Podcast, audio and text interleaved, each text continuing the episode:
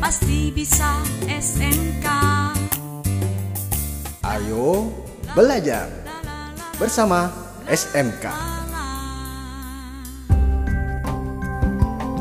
Best audience, you have heard about agreeing and disagreeing expression.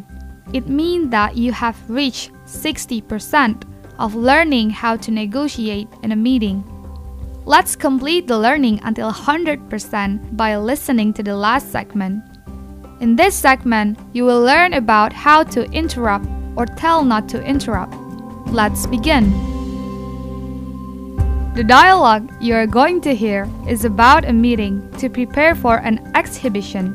PT Sunrise Corporation is invited by Deperindag to be one of the participants from Indonesia in an international exhibition in Dubai. All the boards of the company are together discussing who will be sent to the exhibition. Let's listen to the debating. Alright, I need your attention please. We are going to discuss about our next international agenda in our meeting today. We have been invited by Deperindag to join in an international export exhibition in Dubai. It will be held three months ahead and the exhibition duration will be in a month. Since this is about marketing department, so I will send Miss Tami to go there and to be the leader of our team. The rest person in the team will be from finance and production department. Mrs. Alia and Mr. David, what do you think? Personally, I think I should not attend to the exhibition. For fine, Wait a minute, I don't think I agree with you, Mrs. Alia. You're. please don't interrupt me while I'm talking. For finance department, we are just the supporter who will support all data before the team leave or after the team leave. It can be sent by email or WhatsApp. It's simple. All right, now you can continue, Mr. David. Okay, thank you. I think your presence will be very important for our team because sometimes customer need to know variant with the price in a minute. The finance department is the only part who knows the newest price list of the raw materials. For that matter, you should not be worried, Miss Tammy. I will confirm all data about the newest all variant of raw materials with the price list. I will keep in touch with the production department. All right then. In my opinion, the first information of the team is Excuse me? the team is great and suitable.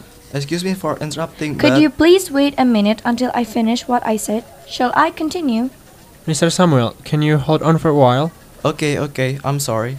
Thank you. I think the team is already great and suitable just to what we need. What do you think, Mr. Samuel? Okay, thanks. On the contrary, I think customer service is more suitable for the team. Customer service is the one who saves price file. They are also able to exaggerate many kinds of product application which hopefully can inspire buyers. All right, but don't you think it could be handled by finance and marketing department? So, don't worry. Our team will be the great one. We can handle it. Mr. Samuel, I think Miss Tami is definitely right. Based on all department reasonable points of view, I think the formation I made for the team is already proper. Thank you everybody. Well, we've done the meeting with the conclusion very nicely. See you on the next meeting.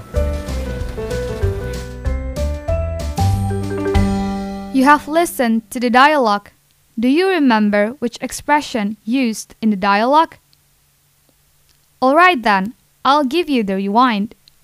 From the short dialogue above, it was mentioned the interrupting expression Wait a minute.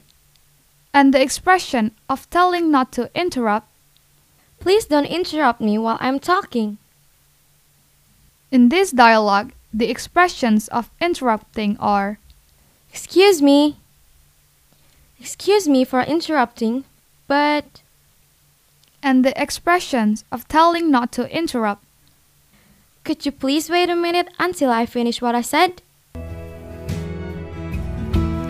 The expression of interrupting and telling not to interrupt are naturally happen in a meeting. The atmosphere which is full of emotional triggered people to have a debate to others. Every person wants his or her opinion to be heard by all the person in the meeting. In order to avoid a struggle war of physics or word of saying, we have to believe and loosen up our belt that the meeting is from us, by us, and for us. Kamu pasti bisa. Sampai jumpa.